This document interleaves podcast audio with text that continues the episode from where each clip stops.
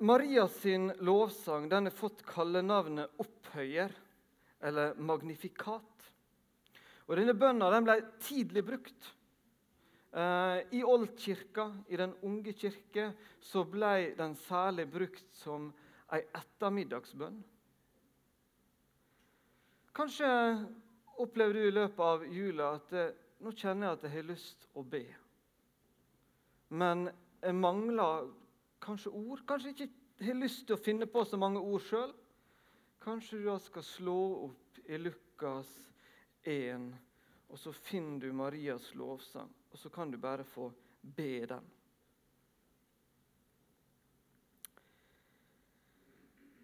Det var en det var ikke nødvendigvis en enkel beskjed som Maria mottok fra engelen. Om hun helt forsto konsekvensene av det, vet vi ikke. Men, men allikevel så møter hun dette budskapet. Hun møter engelen som kommer til henne med orda Se, jeg er Herrens tjenestekvinne. La det skje med meg som du har sagt syns det er flott å se det. Se den måten hun møter budskapet på, fra engelen. Det, det, viser, det, viser, en ydmykhet. Um, det viser en forventning. For jeg tenker at det, det, var ting ved dette budskapet, ved det hun mottok, som, som kunne gjøre henne redd, kunne gjøre henne bekymra og kanskje også var det. Men det som fikk skinne tydeligst gjennom hos Maria, det var at det var en, en forventning, og det venta på at Gud skulle sende denne her frelseren til jord, og så skulle hun få lov til å være den som, som gjorde det. Jeg har sagt det før her en par ganger at denne tida før Jesus kom, var ei skikkelig urolig tid i dette området. I en del år før Jesus kom, så var det altså 150 000 jøder som mista livet i opptøy mot det romerske styret. Så du kan liksom se at Det var en del av disse jødene som ane, hadde, de, hadde de begynt å miste trua på at Gud skulle sende frelseren, og nesten ville ta kontrollen sjøl. Men så opplever vi sånne som, som Maria, som, som ønskte å ikke gå voldens vei, men å vente på at Gud skulle gripe inn. Både i verden generelt og i hennes liv. Jeg tenker at eh, det kan være en viktig lærdom for meg.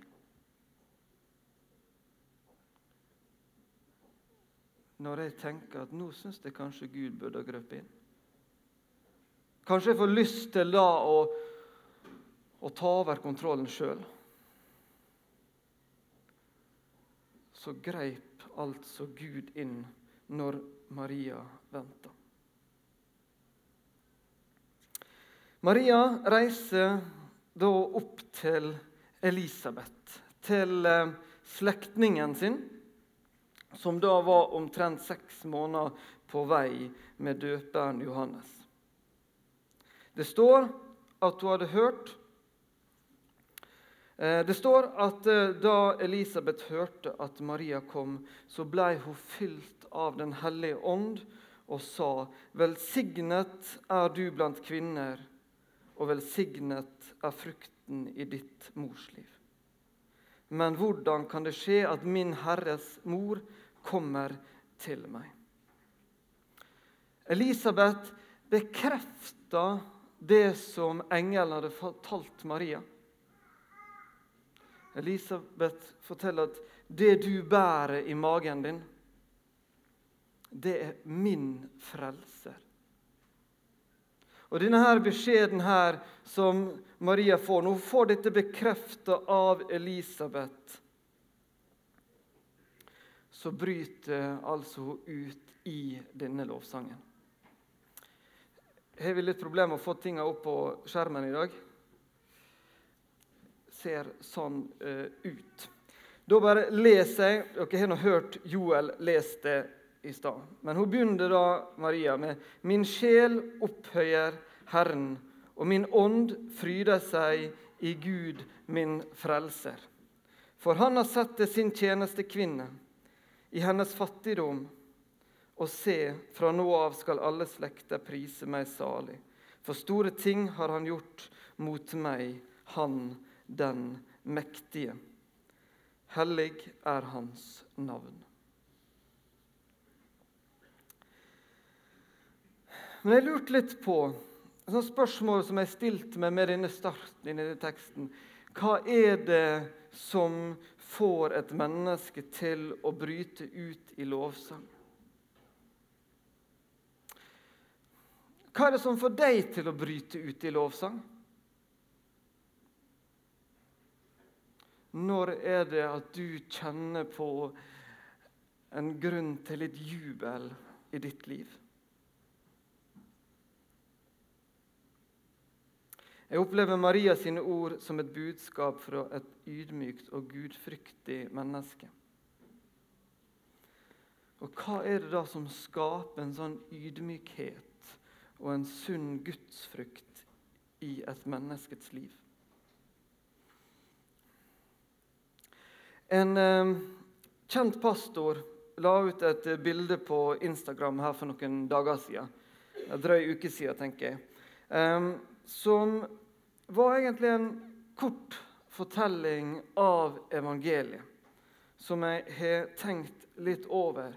Eh, fordi at det, det, er noen ting som, som etter hvert eh, sitter litt langt inne for oss å si. Eh, og kanskje ikke er vi alltid så flinke til å si det fra talerstolen. Fordi at vi kjenner det, det, det er litt i oss sjøl med vi som forkynnere ville tro, som gjør at det kan være litt vanskelig å si at vi mennesker er mer syndefulle og mangelfulle enn vi egentlig våger å tro. Vi kjenner at Det er ikke noe godt det er ikke noe godt budskap å høre det. Det er ikke noe som skaper glede i den setninga der. Um, men vi gjør mye dumt. Vi tenker mye stygt. Og Dette her blir også bekreftet av ateisten Bjørn Sterke. Jeg har lest litt av han med i det siste. Og Han er tydelig på at eh, vi mennesker altså, vi, vi, føler til tider at vi, vi, har en del å komme med, og det har vi da virkelig med. Eh, men det står ikke bra til med oss sånn på bunn. Der har vi ganske mye som ikke er bra. Og så er litt problemet i vår tid at vi stopper gjerne med å si da, at vi er mangelfulle og syndefulle. Men det som er så inderlig viktig, det er å få fram at samtidig som vi er det, så er vi mer akseptert og mer elska av Gud enn vi på noen måte tør å håpe på. Og Det er viktig å få fram samtidig. For Jeg har lagt merke til at en del journalister har spurt kristne ja, mener du det er synd. Kaller du dette synd? Og Hvis den da som blir intervjua, velger å si det, ja, det, det kaller vi synd, så venter ikke reaksjonene på seg. Da kommer de ganske fort. For det skaper en krise i oss når vi ikke har en plass å gå med budskapet om at vi er syndige. Det blir vondt for oss å få det passet påskrevet, og piggene kommer liksom ut hos oss. Og Bjørn Sterk kan skrive at det er et stort problem i det postkristne samfunnet i Norge, som han kaller det at nåden og tilgivelsen har forsvunnet samtidig som at mennesket innser sine feil og mangler. Og Det som ofte blir løsninga, er at mennesker bare pøser på med kjærlighet. Men det blir en kjærlighet uten sannhet. Og en kjærlighet uten sannhet, det blir bare sentimentalitet. Det støtter oss og bekrefter oss, og det kan vi godt. Men når vi skjønner at det ikke er sannheten om oss sjøl, så ramler denne kjærligheten egentlig sammen. Og så skal vi være ærlige i, i kristen sammenheng. Kanskje vi litt for ofte har hatt et behov for å snakke om sannheten uten å få fram kjærligheten. Og det blir ikke noe fint. Det er kun strenghet. Det gir oss informasjon om hvem vi er, på en, på en ganske ufin måte. Det er rett og slett ødeleggende for oss å måtte innse hvem vi er, uten at det blir sagt noe mer. Men Guds frelsende kjærlighet i Kristus den er altså prega av en radikalitet i å si hvem vi er. Få frem hvem vi faktisk er, samtidig som den får frem et radikal ubetinga forpliktelse fra Gud til oss mennesker. Den barmhjertige forpliktelsen den styrker oss, gir oss mot og kraft til å kunne se sannheten om oss sjøl. Se feiltrinnene våre. Uten at vi får problem med vår fortid fordi at vi kan hvile i Guds ubegrensa nåde og barmhjertighet.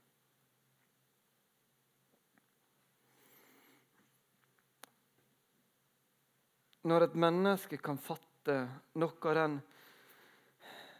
ja, enorme aksepten og kjærligheten som Gud gir oss mennesker i vår situasjon, så kan dette gi oss en, en frihet og en jubel.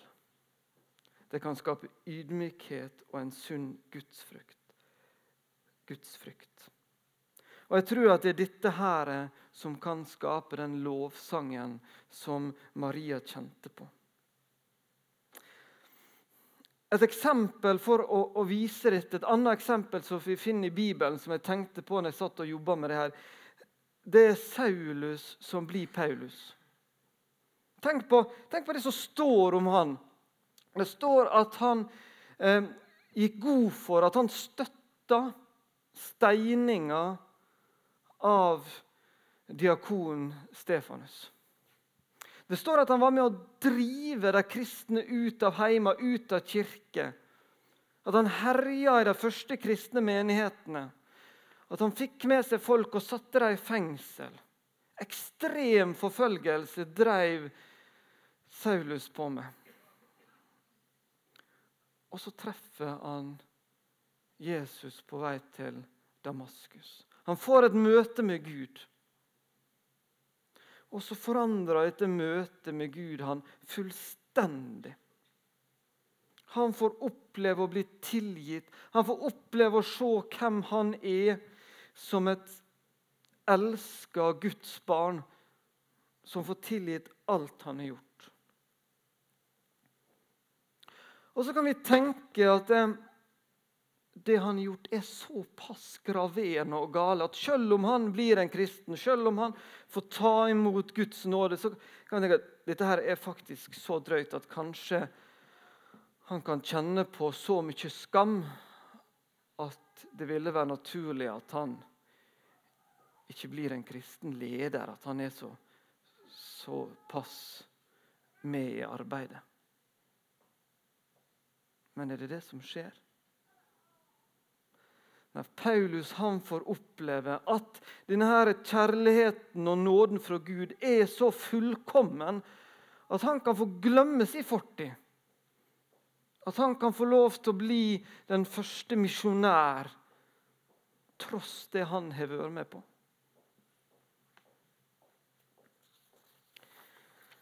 Paulus sitt liv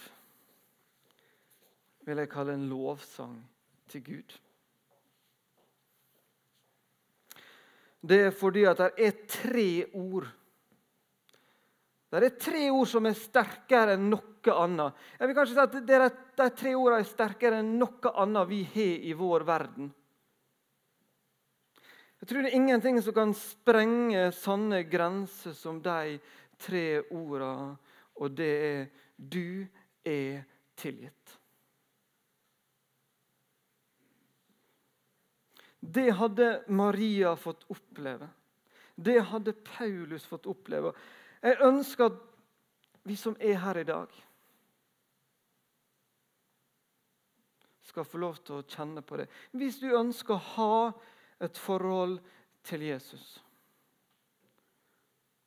så skal du få lov til å vite at du er tilgitt.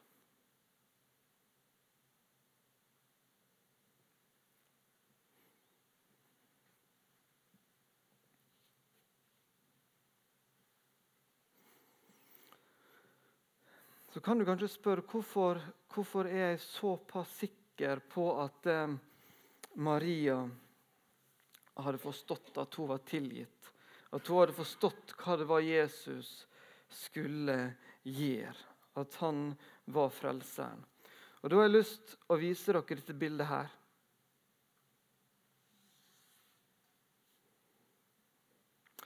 Jeg ble veldig fascinert av akkurat det her når jeg satt og jobba med denne teksten.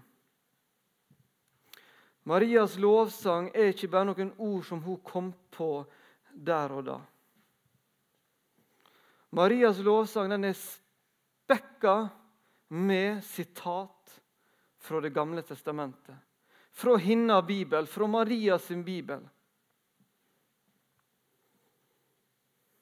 Så den lovsangen som bryter fram i Maria når Elisabeth bekrefter hvem hun har i magen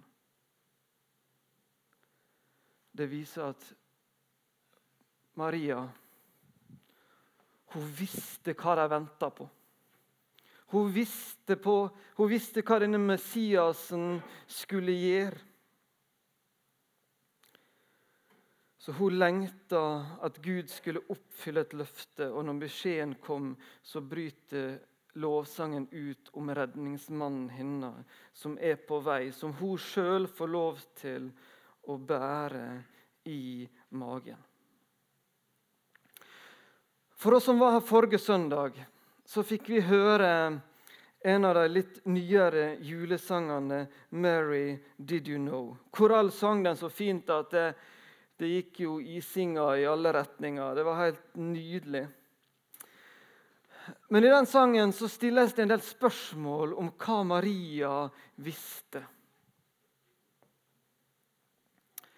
Og Maria visste at eh, Jesus skulle gå på vannet. Og hun visste at um, han skulle stille stormen og gjøre blinde, gi blinde syn igjen, det, det er jeg ikke helt sikker på. Men jeg føler meg ganske sikker på at hun visste at han som hun skulle bære fram, han hadde gått der englene hadde tråkka. Og når hun skulle kysse dette barnet sitt, så kysste hun Guds ansikt. Og hun visste at den Jesus som hun bar i magen, det var det perfekte Guds lam som kunne ta bort all menneskers synd og gi dem friheten tilbake.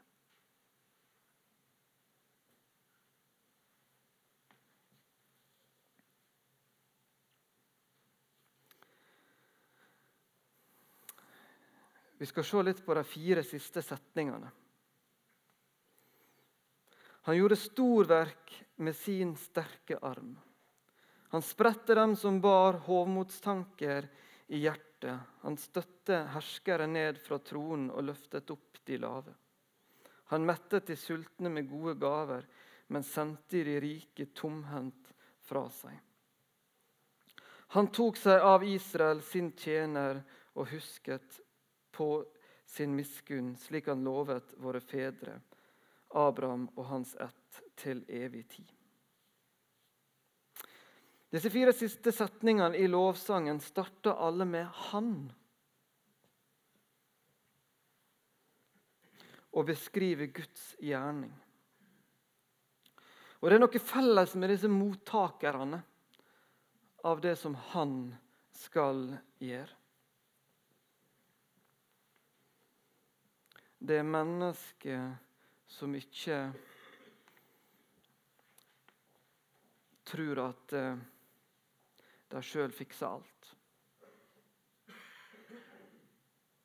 Det er mennesker som er villig til å vente på Guds inngrepen i verden og i sitt eget liv. Jeg kom over et sitat fra ei som jobber på, som lærer på bibelskolen til Evangeliesenteret. Eh, hun har sagt jobber vi ut fra hvilen, eller jobber vi for å få hvile? Jobber vi ut ifra hvilen, eller jobber vi for å få hvile? Jeg tenker tilbake på disse fariseerne som, som, vi kan putte litt i den boksen for uh, sjølrettferdige. Så prøver de altså ja, De lager seg stadig nye bud, og de prøver å holde dette og oppfylle. Og mente jo at de sjøl var rettferdige overfor Gud. Men det er ikke det budskapet vi møter ellers. Vi er ikke kalt til å gjøre oss sjøl rettferdige. Vi trenger Gud inn i livet vårt. For Gud ville så inderlig sende Jesus til vår jord for å gjøre det som vi ikke kunne gjøre. Og Det er slik, og det er derfor vi kan lovsynge. Det er derfor vi kan feire jul med fest og glede. Det står et bibelvers Jeg skal vise dere et par bibelvers til slutt. nå. Det ene står i 2. Mosebok 14, 14. Og Det syns jeg vi skal ta til oss i dag. Herren skal stride for dere, og dere skal være stille. Jesus sa til disiplene sine en dag, 'Kom til meg, kom med meg til et øde sted hvor vi kan være alene.' og hvil dere litt. Jeg håper at vi kan bruke jula til det. At vi kan komme litt avsides med Jesus. At vi kan få lov til å hvile oss litt og så skjønne det. At Gud han har gjort mer enn nok. At du kan skjønne at du er mer elska du er mer tilgitt, du er mer akseptert i Jesus Kristus enn du noen gang kommer til å våge å håpet.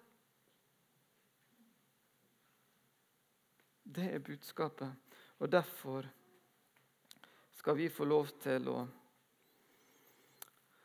la Gud få stride. Så kan vi være stille. Og i stillhet og i tillit så skal vår styrke være. Amen.